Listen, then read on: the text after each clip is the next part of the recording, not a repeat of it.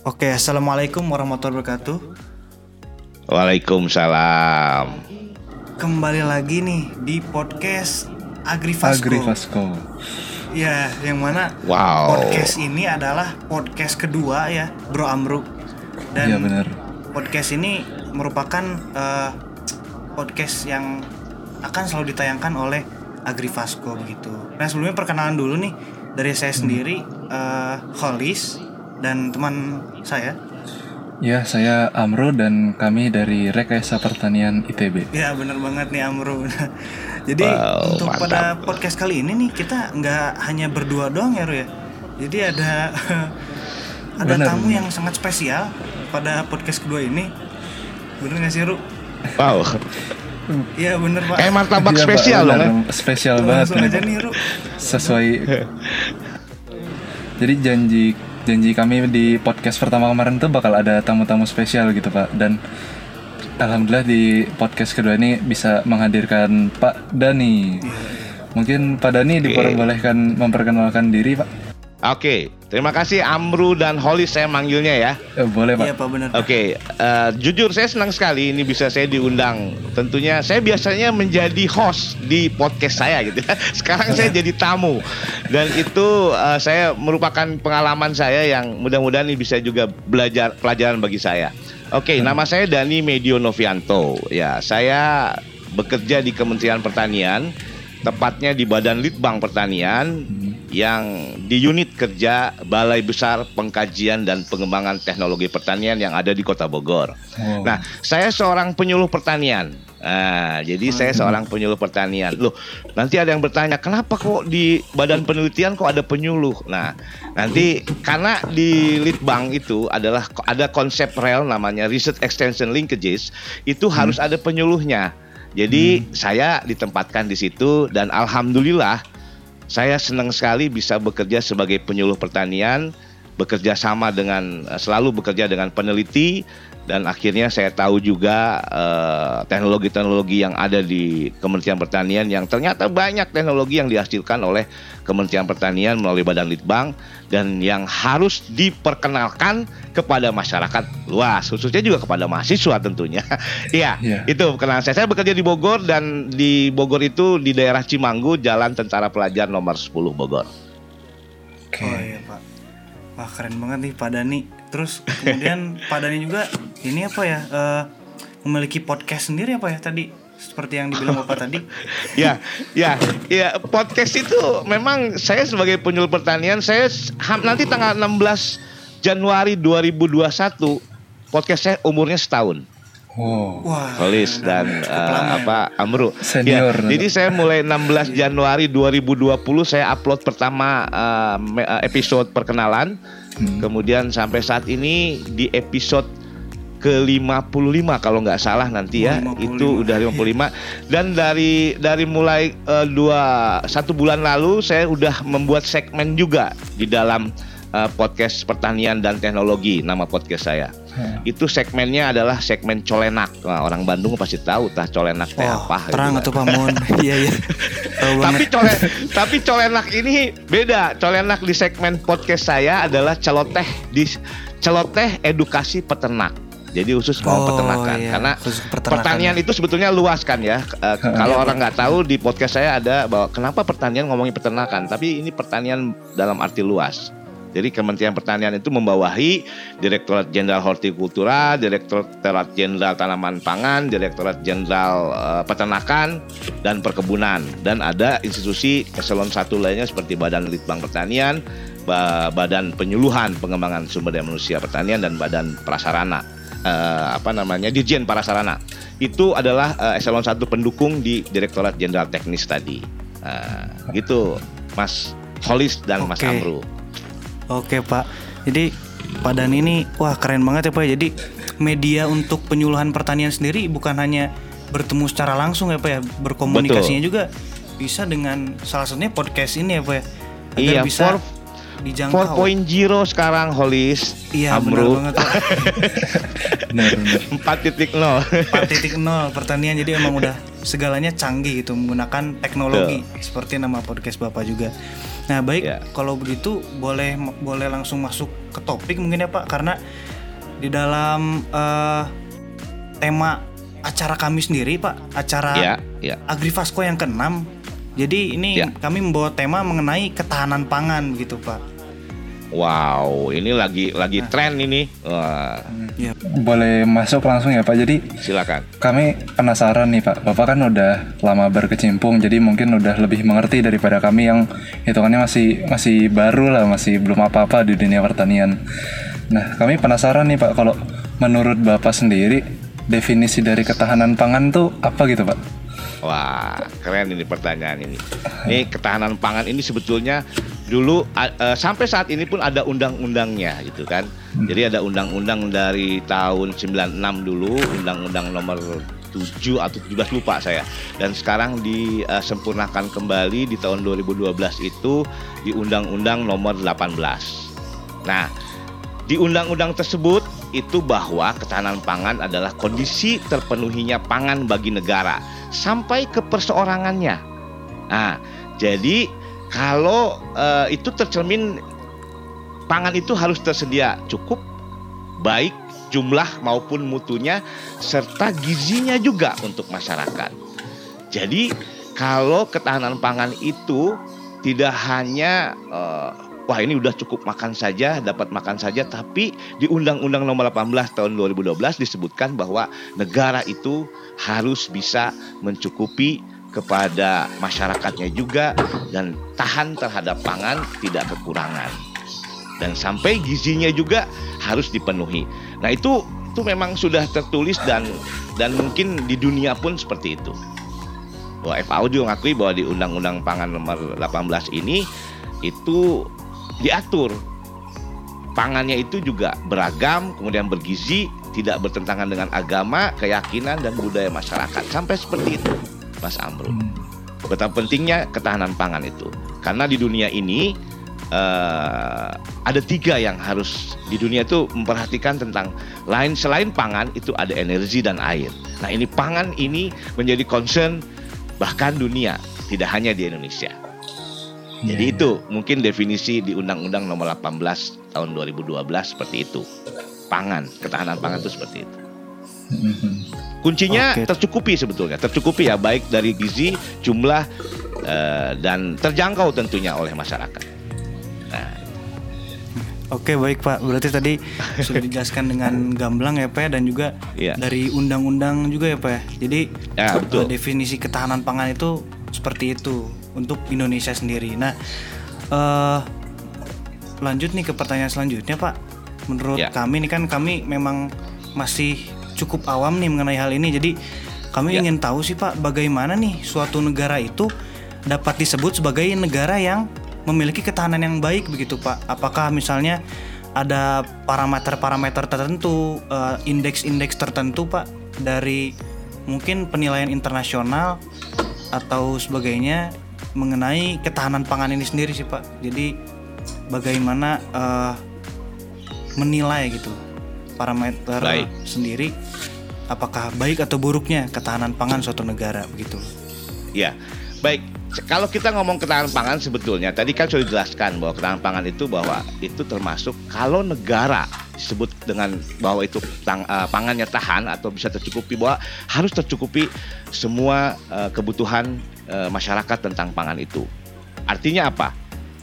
Tidak ada yang kelaparan, tidak ada yang eh, tapi walaupun mungkin di indeks eh, kita masih ada beberapa eh, daerah atau di Indonesia tidak tidak eh, tercukupi oleh karena itu Kementerian Pertanian banyak program-program untuk eh, menuju ke sana.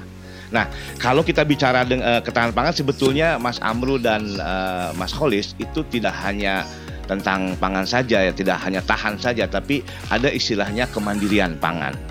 Ada istilahnya keamanan pangan, ada istilahnya satu lagi eh, saya lupa kedaulatan, ketahanan, eh, keamanan pangan eh, dan eh, kemandirian. Nah, kalau eh, namanya kemandirian itu itu bahwa negara itu mampu nah, dan dan mem- eh, dalam memproduksi pangan. Nah, itu itu in- indikatornya sebetulnya. Kemandirian pangan itu negara mampu memproduksi pangan yang beraneka ragam baik dalam negeri dari dalam negeri ya tentunya potensi uh, lokalnya hmm. yang dapat menjamin uh, pemenuhan kebutuhan pangan itu itu terulang-ulang.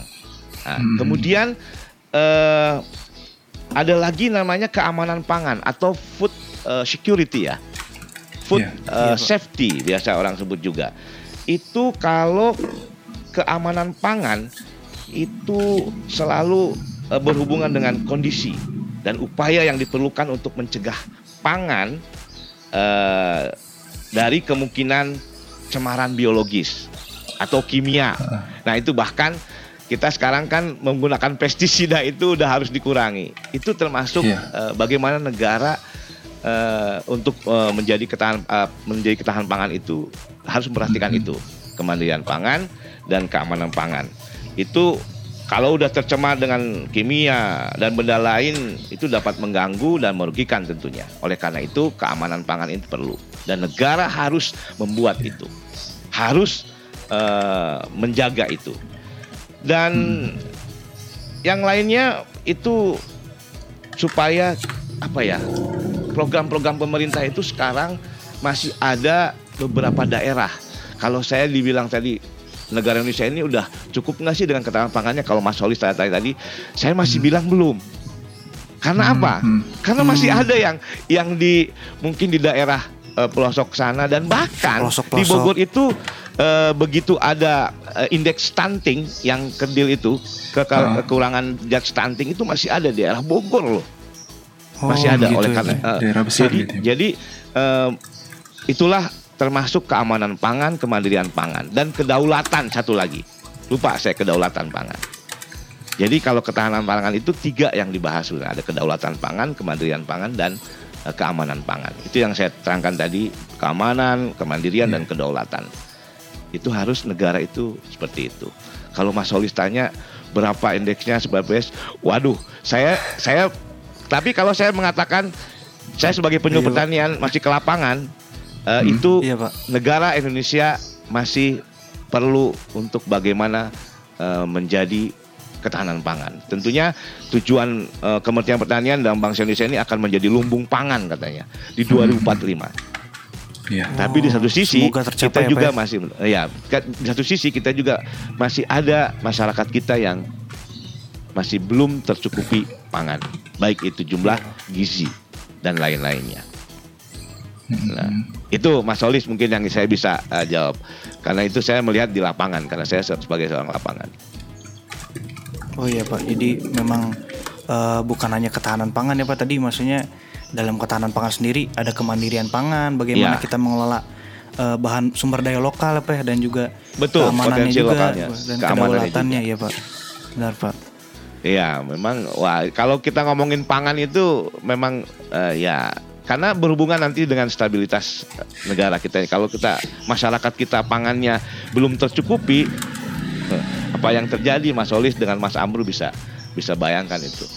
Iya. Kita kena COVID aja baru satu ah. tahun ya kita ya dari mulai bulan Maret nih kita mulai ini coba hmm, iya, bisa iya, melihat betapa crime jadi meningkat, kemudian yeah. pedagang kecil, ekonomi juga terganggu. Itu termasuk itu. Bagaimana dia kenapa? Dia ingin memenuhi kebutuhan pangannya sebetulnya.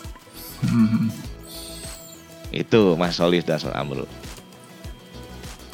Oh ya jadi mungkin lanjut ke pertanyaan selanjutnya juga Pak. Yeah.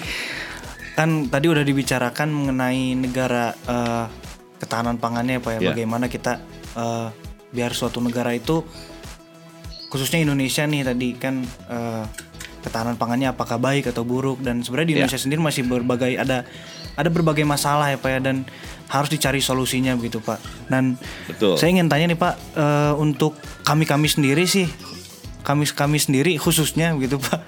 Ya. Sebagai generasi muda Pak, generasi milenial Pak. Upaya apa saja sih Pak yang perlu dilakukan untuk mewujudkan Indonesia ini agar menjadi negara dengan ketahanan pangan yang semakin baik lagi begitu Pak.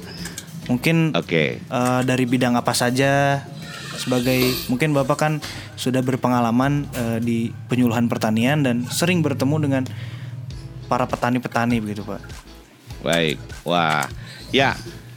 sekarang Kementerian Pertanian ini Mas Amru dan Mas Holis dan juga uh, teman-teman semua yang dengerin podcast ini mudah-mudahan ini kita sekarang memang lagi ngegenjot uh, dari Pak Menteri Syahrul Yassin Limpo ini uh, lagi menjalankan atau program dengan namanya Food Estate yang ada di Kalimantan Tengah kemudian yang ada di Sumatera Utara.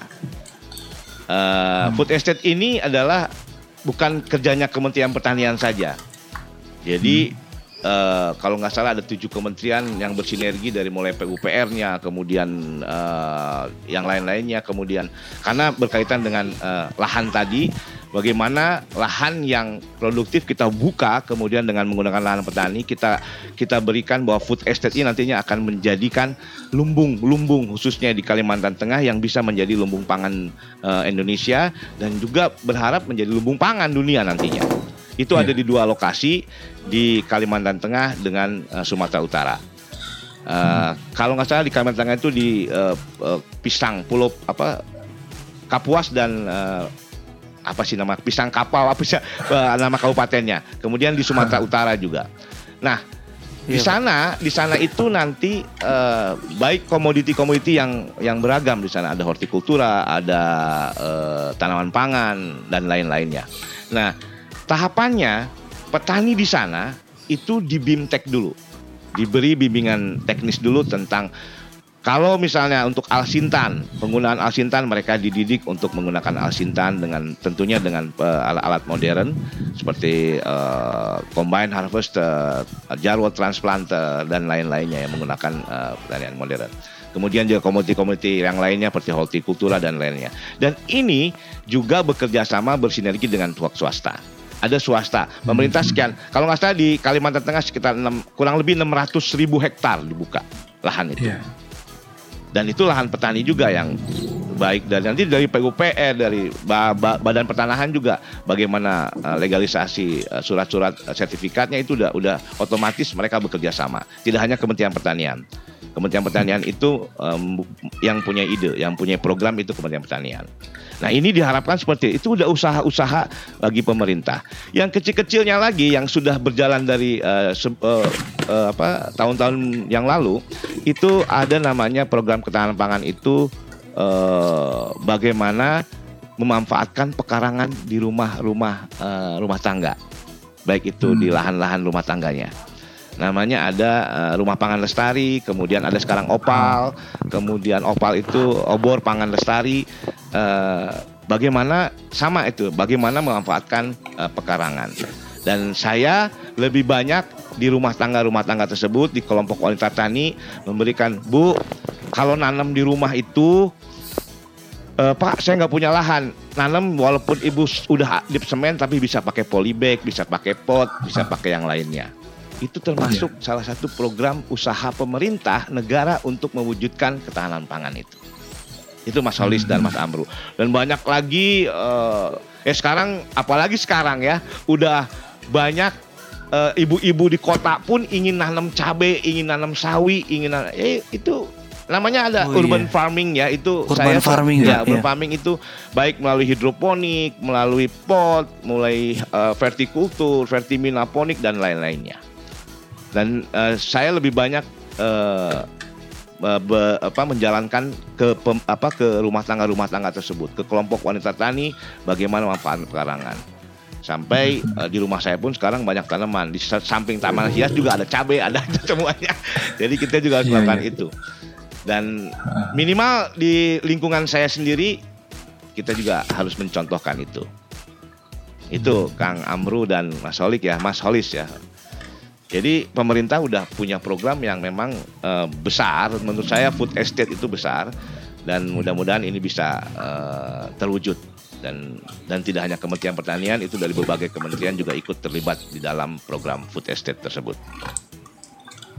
Gitu Mas Amro. Berarti ini ya tadi Pak. Berarti milenial tuh salah satu caranya dengan cara bikin kebunnya di rumah mungkin nah, hidroponik betul, ya Pak hidroponik. lebih Nah, petani-petani muda juga diharapkan seperti itu. Petani milenial tuh, Mas Amru nih, Mas Holi uh, juga seperti itu bisa melakukan itu.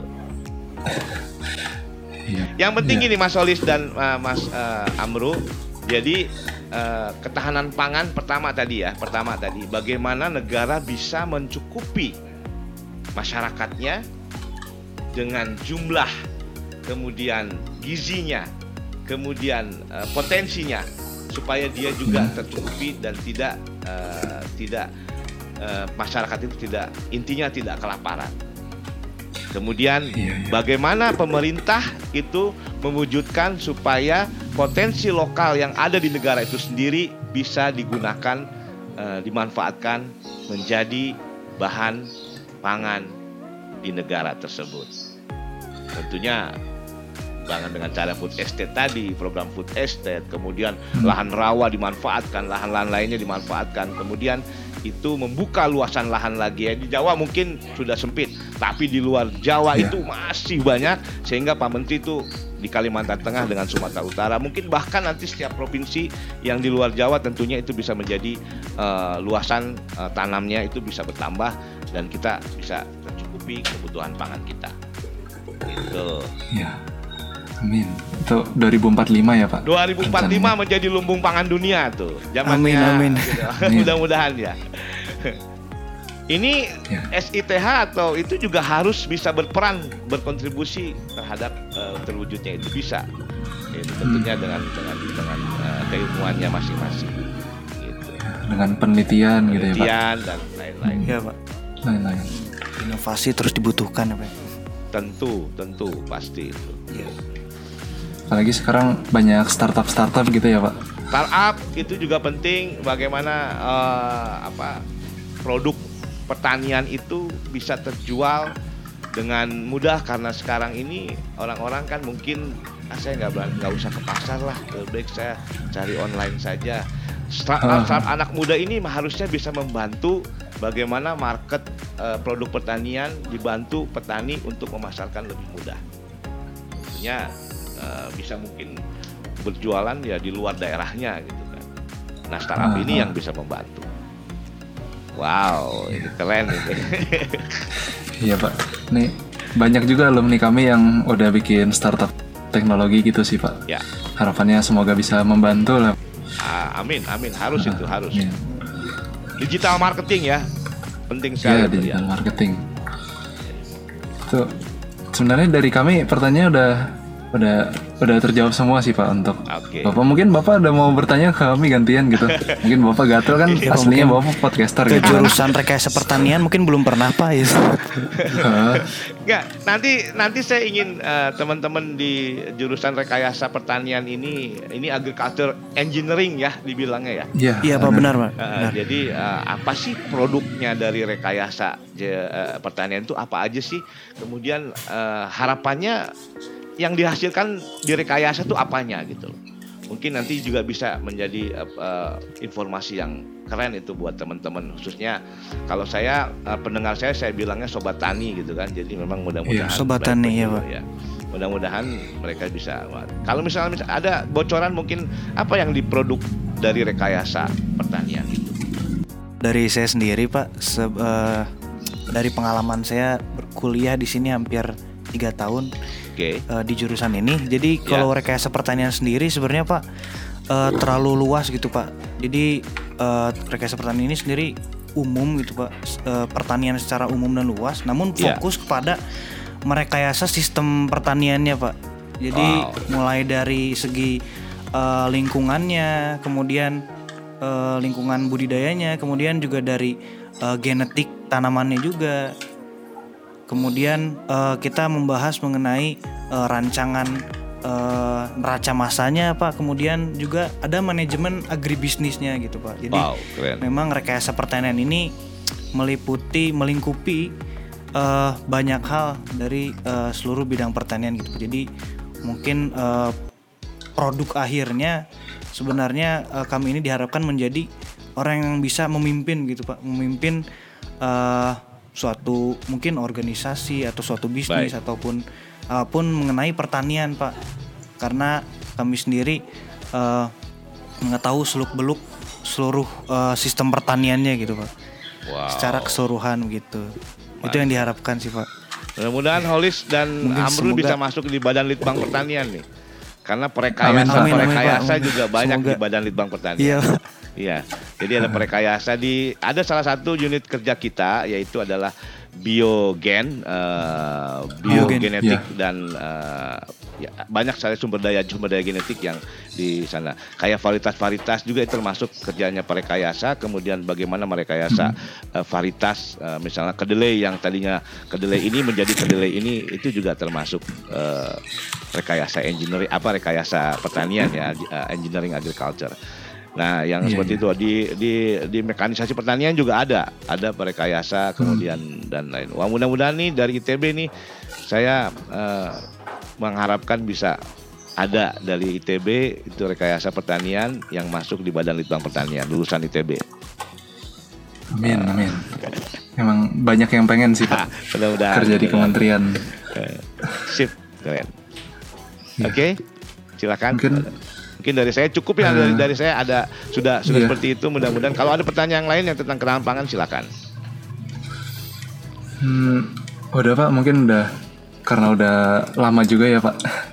Udah hampir setengah jam ini. Jadi meskipun bentar ini banyak banget ilmu yang bisa didapat ya teman-teman. Dan mungkin sekian dari kami. Terakhir kami pengen ini Pak pengen ngucapin terima kasih banyak untuk Pak Dani Medio untuk Iya Pak, terima kasih banyak. sebagai pemateri di sini udah udah bersedia gitu. Oh, Sebagai bentuk penyuluhan juga ya Pak. ya, saya senang sekali. Iya, terakhir kami pengen ngajak Bapak nih Pak, mungkin Bapak nanti bisa datang di seminarnya Agrifasco tanggal 7 Februari. Wow. Saya Iya, benar kalau pas waktunya saya tolong dikasih linknya aja. Iya, Nanti dikasih linknya Iya, Itu saya hadir. gratis itu Iya, Pak. Kalau bisa teman-teman penyuluh saya juga ntar saya undang boleh kan? Boleh Pak, boleh banget Boleh Pak. banget Pak. Kemarin di Iya. PB juga saya jadi narasumber di PB anak-anak eh, agribisnis eh, begitu Hmm. Eh, saya seba- eh, ngomongin apa ya ngomongin petani milenial kemudian linknya Ya. saya minta saya sebar ke penyuluh dia kaget uh banyak banget pak yang datang udah udah ini penyuluh datang banyak banyak udah kayak ini supaya tahu aja, supaya bisa dengan dengan teman-teman juga Iya, iya. oke Iya. Sekali itu lagi kan. makasih nih ya. Terus- Terima kasih Amru Holis dari Ya, SDPH eh, Agrifasco nanti ya. Agrifasco ini eh, mudah-mudahan ini Iya, benar, menjadi eh, ajang eh, awal pertemuan kita positif. Nanti kita nggak nggak cuma di sini aja pertemuan kita tidak hanya di podcast saja. Kita bisa Iya. menyambung silaturahmi bersinergi untuk kemajuan pertanian kita menjadikan pertanian kita menjadi maju, mandiri dan modern ya. Ada informasi juga mengenai eh, untuk teman-teman juga mak- maksudnya eh, dari kami Agrifasco begitu ya. Apabila ingin mengikuti seminar juga nih saat 7 Februari nanti bisa langsung cek eh, lengkapnya di Instagram @agrifasco begitu. Oke. Oke. Nah juga silakan Amru, Bro. Ya, terakhir terakhir banget nih sebagai penutupan teman-teman jangan lupa buat dengerin podcast dari Pak Dani juga. Nama podcastnya Pertanian dan Teknologi bisa diakses di Iya, Spotify ya Pak. Langsung aja cus dicek. Langsung just Pasti sangat Ya. edukatif sekali. Makasih. sangat edukatif. Makasih Amru Holis, makasih. Ya, sudah ya, sekian teman-teman Pak Dani dan Kak Kolis. Wassalamualaikum warahmatullahi wabarakatuh. Waalaikumsalam warahmatullahi Waalaikumsalam warahmatullahi wabarakatuh. Ditunggu di podcast selanjutnya. Oke, terima kasih. Pak.